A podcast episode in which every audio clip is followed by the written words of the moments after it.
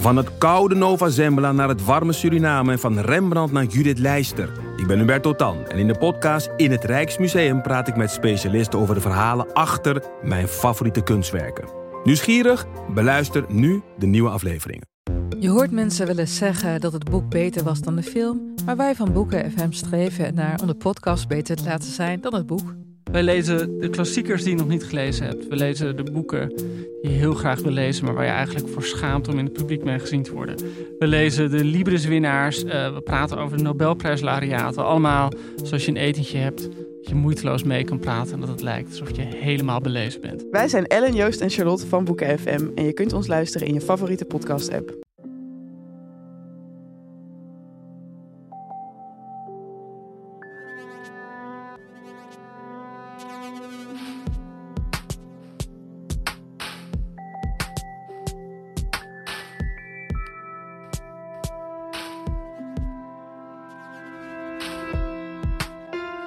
Hey, ik ben Pieter van Relaas. In Relaas hoor je waar gebeurde verhalen en die worden verteld door de mensen die ze zelf hebben meegemaakt.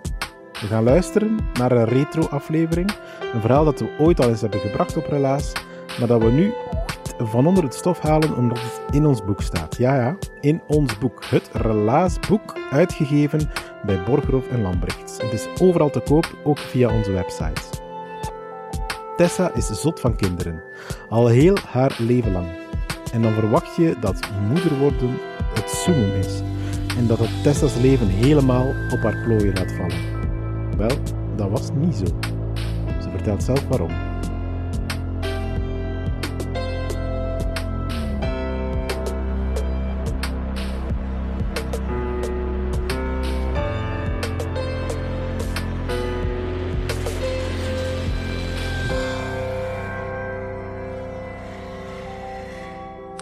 Ik, uh, ik ben zot van kinderen. Al heel mijn leven lang vind ik dat eigenlijk heel tof om bij kinderen te zijn. Ik herinner mij familiefeesten waarbij ik het leuk vond om als ouderkind met de achterkleinkinderen te spelen. Ik heb ook lang in de jeugdbeweging gezeten, uh, waar ik dan heel veel energie stak in uh, activiteiten verzinnen en begeleiden. En daar kreeg je dan natuurlijk veel energie van terug, waardoor je daar nog meer tijd in stak. Um, ja, ik vind kinderen iets heel puur uh, ongerept, hoogtes, laagtes, um, die ook snel voorbij gaan. Die hebben ook heel veel fantasie. Um, het leven is een verwondering en ik vind dat eigenlijk heel fijn. Als vrienden zeggen dat ze gaan langskomen en ze brengen hun kinderen mee, dan ben ik altijd content, omdat ik weet dat ik op mijn gemak ben als er kinderen zijn. Ik weet dat veel mensen dat eh, ja, moeilijk vinden om met kinderen te praten, maar ik heb het omgekeerd. Ik vind het eigenlijk veel makkelijker dan met volwassenen praten. Ondanks dat had ik niet als kind zo'n herinnering van, oh, later wil ik een gezin en veel kinderen. Ik had dat niet. Dat was niet nee, dat was niet ja. Ik wist niet wat ik daarmee ging doen. Maar op een dag zit ik met mijn tante in de zetel en die kijkt naar Babyboom. Dat was toen een programma op VTM waarbij ze eigenlijk zwangerschappen en vooral bevallingen uh, volgde, redelijk ongecensureerd. En uh, ja, ik denk dat ik toen in het vijfde of zesde middelbaar zat en ik besefte plots dat ik eigenlijk nog nooit echt een bevalling op die manier gezien had. Um, ik had dat wel in de biologieles geleerd en ik had dat ook wel in films gezien, maar dat was niet op die manier. Um, en ik was eigenlijk redelijk gechoqueerd. Uh, ik herinner mij nog één vrouw die een uh, volledige naar een blote daar ligt te bevallen en heel veel pijn heeft. En ik herinner mij dat ik mij nog zo een tijdje mee opbouw met haar om zo die pijn te delen.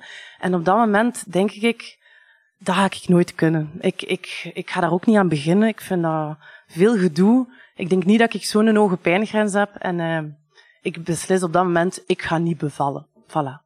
En daarmee was mijn kindervraag redelijk snel opgelost. Uh, tien jaar geleden leer ik mijn lief kennen. En al snel gaat het ook over die kindervraag. En hij wil geen kinderen. Ik wil niet bevallen. Prima. Um, maar natuurlijk, je bent heel jong en ik besef dat ook wel. En ik denk ook wel, dat is een zorg voor later. Um, ja, en rondom u beginnen zo de eerste vrienden aan kinderen. Um, en je, ziet zo hoe dat iedereen zo met ouder te worden ook meer op zijn eiland kruipt. Dat is normaal.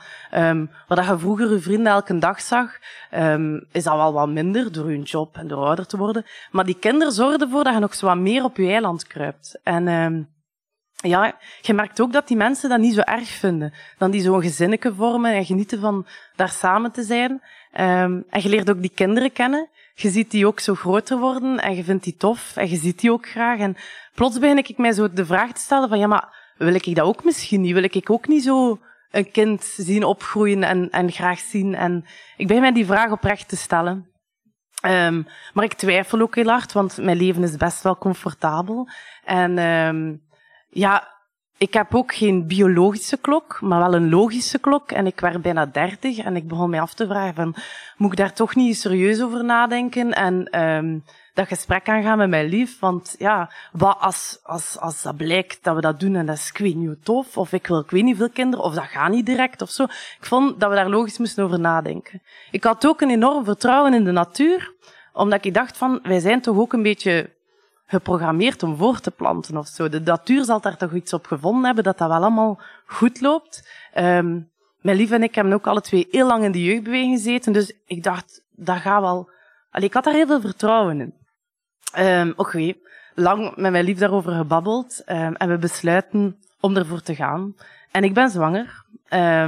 Ik doe wat ik moet doen. Ik bel naar de voetvrouwenpraktijk en, uh, en die zegt heel enthousiast van wow, tof, proficiat. En ik ben redelijk realistisch op dat moment en die is oprecht contenter dan ik. Maar ik had mij voorgenomen van ik ga daar niet bij beginnen zweven. Ik wil dat rustig en beheerst doen. Ik ben ook iemand die heel hard in het verleden of in de toekomst leeft en um, minder zo dingen op moment zelf beleef of zo, of besef. Dat is heel typisch voor mij. Dus ik, ik wist dat dat redelijk normaal was.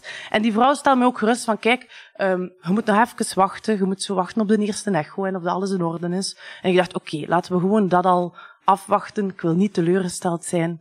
Maar de eerste echo is prima. Alles loopt goed. En ik ga vanaf dan eigenlijk een zalige zwangerschap tegemoet. Ik heb geen kwaaltjes, ben niet misselijk. Op het einde had ik wel wat vochtophopingen, maar voor de rest was alles echt oké. En ik weet dat ik wel op een gegeven moment bedacht van, ze zeggen altijd zo, je moet genieten van je zwangerschap. En ik kon mij daar weinig bij voorstellen, want voor mij was dat eigenlijk niet zoiets bijzonders. Dat was redelijk normaal. Maar ik heb mij wel heel hard toen beseft van, dat is de allerlaatste keer dat je eigenlijk alleen bent. Plots gaat er daar iemand zijn. En daar heb ik wel van genoten, van zo nog elke dag te, te genieten van zo, je bent nog alleen en je kunt nog alles onbezorgd doen. En dat heb ik echt gedaan. Maar die laatste maand was er echt te veel aan. Ik ben geen geduldig persoon. En uh, mijn, uh, mijn baby was uitgerekend voor 28 juli. En die laatste maand, oh, dat was verschrikkelijk, want dan zijn aan te wachten. Hè. Elke dag kan een dag zijn. Uh, je kunt ook niet veel meer ondernemen. Het was vakantie voor mij, op reis gaan of ergens naartoe gaan, dat was er niet meer bij. En ik was mij ook aan het voorbereiden, want ik ging niet bevallen, hè, weet je nog? Dus ik ging dat niet doen, dus ik had prenatale lessen gevolgd, ik had heel veel gelezen. En eigenlijk was ik er wel klaar voor. Nu, 28 juli komt en uh, geen baby. Nu, een vriendin van ons, die was gelijktijdig zwanger en die is bevallen op 1 augustus en we gaan daar op bezoek. En zij was voor mij eigenlijk de kers op de taart. Want uh, zij beschreef wat het dat allemaal ging zijn. Zij zei van, ja, dat is ik weet niet veel afzien, maar daarna gaat ze zo content zijn, gaat ze zo een warm gevoel hebben, gaat zo gelukkig zijn. En ik dacht, ja, nu ben ik er echt klaar voor. Oké, goed, we gaan eraan beginnen. Maar dat was het nog niet. Maar 41 weken en vijf dagen later is mijn bevalling dan toch begonnen. Um, en dat was traag. Dat, uh, dat ging niet rap. Um, op vijf centimeter ben ik ook blijven steken. Epiduralen erbij. Nog een, uh, tot de volgende ochtend wachten. Maar goed, na heel lang wachten, mijn geduld op de proef gesteld en een paar keer persen, um, is mijn dochter geboren, René. En dat is, ik weet niet hoe maf. Ik, uh, dat is niet gelijk in de films, dat je daar euforisch rond u kusjes staat te geven. Ik kijk naar mijn lief en die is in shock. Ik zie dat. En ik denk, oké, rustig blijven, rustig blijven. Uh, dat is normaal. En dat is raar, maar die, die, die baby wordt voor mij gehouden en ik denk, wat is dat hier allemaal? Maar ik denk, oké, dat is ook typisch voor u, weet het nog? Het is het moment, je gaat dat later wel beseffen. En ik doe wat ik doe als ik een baby vast heb. Ik hou die, ik, ik hou die goed vast, ik ben daar lief tegen. Ik word naar mijn kamer gevoerd. Mijn lief nog altijd zo in, uh, shock. En ik denk, we blijven gewoon rustig. Dat is normaal. Um, ik, ik voel niet dat gevoel wat die vriendin beschreef. Maar, maar ja, ik geef daar even tijd. Dat is hier ook een omwenteling. Je bent, ik weet nu lang wakker. Je hebt net een baby uit u geduwd. Allee, dat is, redelijk heftig. Maar in dat ziekenhuis, dat is iets maf, je komt op een rollercoaster terecht. Dat is zo, ja, de een aan de andere komt daar binnen, los van bezoek. Mensen moeten u verzorgen, dingen controleren, je krijgt info. Dat is echt een omwenteling. En pas s'avonds ben ik eigenlijk voor de allereerste keer alleen. En besef ik, ik ben bevallen. Ik heb dat gedaan. En ik, ik, ik kijk naar mijn, naar mijn dochter, naar, mijn, naar René, en ik denk, en nu? Wat moet ik nu doen? Ik had zo mij gefocust op bevallen dat ik eigenlijk niet had nagedacht over wat er daarna kwam. Want ik had zo'n vertrouwen in de natuur en in mijn moedergevoel dat ik dacht van, daar moet ik niet over nadenken. Dat, dat zal wel allemaal geregeld zijn. Maar dat had ik niet. Ik, ik had dat niet. Ik kan mezelf rustig houden. Ik denk, dat is normaal, dat is normaal. Geef dat wat tijd. We gaan naar huis. Eerste nacht zit erop. Verschrikkelijke nacht. Um, maar s ochtends is mijn vroedvrouw er. En um, die kan mij geruststellen. Die zegt van, geen paniek. Um, je moet je nog geen moeder voelen. Dat kan goed zijn dat dat nog dagen duurt, weken duurt, misschien maanden. Dat is echt niet raar. Um, en ik zei tegen haar, maar zou dat kunnen dat ik misschien nog verdoofd ben van die epidurale? Ik heb zo het gevoel dat als ik aan mijn arm kom, dat dat mijn eigen vel niet is of zo. En ze zei, maar ja, denk dat niet, maar geef dat gewoon allemaal een beetje tijd. Wacht twee weken af. Die eerste twee weken, die, die zijn het belangrijkste. We moeten ook in een ritme komen, we moeten die baby leren kennen. Dat komt wel. Dus ik denk, oké, twee weken. Mensen die zeggen, de tijd vliegt met een kind. Ik weet echt niet waar ze het over hebben. Want voor mij zijn die twee weken enorm lang geweest. Dat was verschrikkelijk. Ik heb elke avond tegen mijn lief gezegd, yes, weer een dag voorbij. Dat was echt aftellen. Maar ik bleef rustig, want uh, dat had ook geen zin om in paniek te zijn, want ik wou dat wel een kans geven om te groeien. En uh, mijn lief die was ook nog niet 100%. Dus ik had zoiets van, kom maar, we moeten dat hier volhouden. Um, ik had geen connectie met mijn dochter. Dat was lekker of dat mijn kind niet was. Um, ik had niet het gevoel dat zij van mij was. Ik kon ook haar naam niet uitspreken. Dat was heel raar om haar in een berichtje of in een gesprek te vermelden. Um, ik heb dat ook wel proberen aangeven in mijn omgeving. Uh, maar niet iedereen kon daar zo op reageren. Ik denk dat dat ook heel moeilijk is om je voor te stellen als je zelf niet in dat gevoel zit. Maar na vier weken was er geen verandering en ben ik gecrashed. Dan, dan heb ik echt zo tegen mijn lief gezegd van, dit gaat niet meer. Dat, zo wil ik niet um, verder. Ik wil het niet op die manier doen. En dat is een heel raar idee, want je kunt van alles weglopen, maar niet van, van je eigen kind. Dat is heel beangstigend. Um, en toen zijn wij naar de dokter gegaan.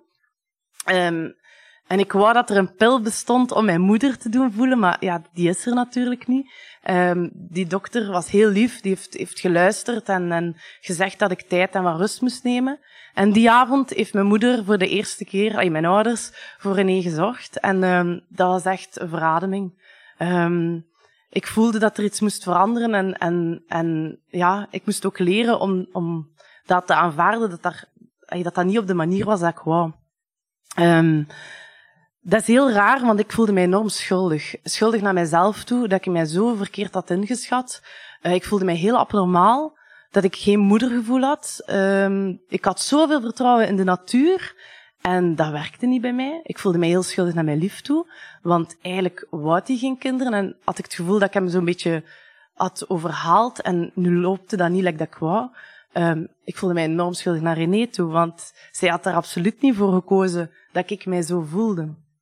Nu, er waren gelukkig hulpmiddeltjes. Mijn vroedvrouw was mijn reddende engel, want zij heeft mij geleerd dat um, om een goede moeder te zijn, moet je vooral ook aan jezelf denken. Want als uw moeder niet oké is, kunt je ook niet voor een kind zorgen. Dus zij heeft mij proberen in, doen inzien van, draag zorg voor jezelf, want dan gaat ook zorg kunnen dragen voor je kind.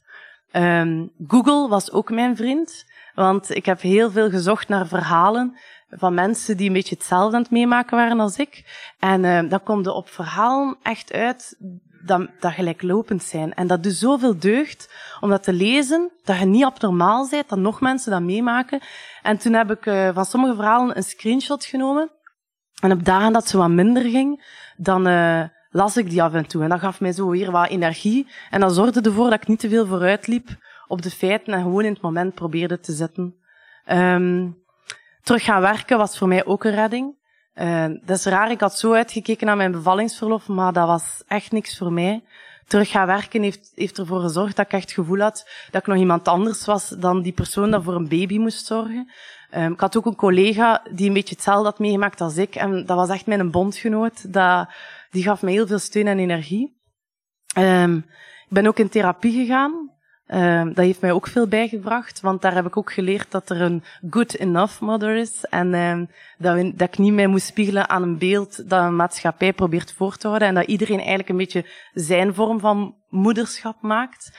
Um, ja, de octopus die alle bordjes moet rechthouden en een goede job en een goed lief en een tof huis en weet ik veel wat. Dat is voor mij niet realistisch en dat, dat weet ik nu. En dat is raar, maar hoe meer ruimte dat ik voor mezelf innam, hoe meer ruimte dat er ontstond voor René. En we zijn nu een jaar en een half verder en ik kan echt zeggen dat er enorm veel veranderd is. En dat is fijn om te zeggen. Um, onlangs zat ik uh, in de zetel en uh, ik was alleen thuis. Mijn lief was op weekend en uh, René was bij mijn ouders gaan slapen. En normaal is dat zo'n moment dat ik denk, yes, kot voor mij alleen. Ik ben allee, dat is zo zalig. En nu was het de eerste keer dat ik eigenlijk mijn gezin miste. Dat ik eigenlijk wou dat ik naar boven naar haar kamer kon lopen en een keer gaan kijken of dat ze lag te slapen. En um, de volgende ochtend ben ik zelf vroeger naar mijn ouders gegaan om haar te gaan halen, omdat ik ze oprecht miste.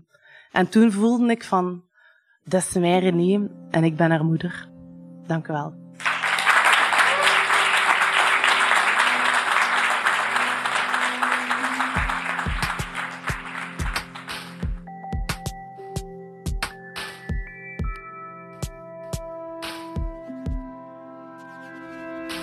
Dat was het relaas van Tessa. Ze heeft het verteld in december van 2018 in Huset in Gent. Heel moedig verhaal. Ondertussen is René toch wel al een paar jaar ouder. Ik ben benieuwd hoe het nu gaat. Um, René is nu drie jaar recent geworden. En um, sinds de dag dat ik mijn verhaal verteld heb, is er natuurlijk uh, heel wat veranderd alweer. Maar de zoektocht naar het moederschap blijft wel, maar wordt wel altijd stabieler en sterker wat ik toen verteld heb, ja, dat, daar kan ik nog altijd heel veel steun uh, uit halen. Dat helpt mij ook nog altijd op momenten dat ik het een keer lastig heb met mijn moederschap. Um, dan kan ik echt nog eens naar mijn verhaal terugluisteren en denken van juist, zo zat het weer. En dat, dat geeft me echt energie. Ik ben heel dankbaar dat ik dat verhaal heb mogen vertellen. Um, en ja, ondertussen groeien we verder in het moederschap en ben ik minder streng voor mezelf. En is het ook zoveel plezanter al. Um, geduld wordt beloond. En ik merk echt wel dat ik geen babymama ben, maar uh, dat zo'n kleuter meer mijn ding is. Dus ik kijk uit naar uh, wat nog komen zal. Samen met 19 andere verhalen vind je het relaas van Tessa in het relaasboek. Ideaal voor jezelf, elke avond een hoofdstuk voor het slapen gaan bijvoorbeeld, ofwel om cadeau te doen. Hm? Kerstperiode komt eraan, waarom niet? Wij blijven maar nieuwe verhalen sprokkelen. We doen dat momenteel in Ledenberg bijvoorbeeld, waar we waar gebeurde verhalen voor Ledenbergenaars aan het coachen zijn. En we deden het ook net voor JAR Vlaanderen. JAR werkt met jongeren die terug in de samenleving moeten integreren en die daarom vrijwilligerswerk opnemen, of een engagement opnemen. Zeker eens luisteren. We maakten die podcast samen met Chase Creative voor JAR Vlaanderen. zoek, zoek het maar op, JAR Vlaanderen podcast, je komt er heel snel bij uit. Relaas is er dankzij de steun van de afdeling cultuur van de Vlaamse gemeenschap en die van de stad Gent. En door de stijgende coronacijfers kunnen wij op dit moment eventjes geen live events voor publiek meer doen, maar we zorgen je wel nog elke week een nieuw verhaal in deze podcast. Hopelijk verzakt dat een beetje de pijn. Dankjewel.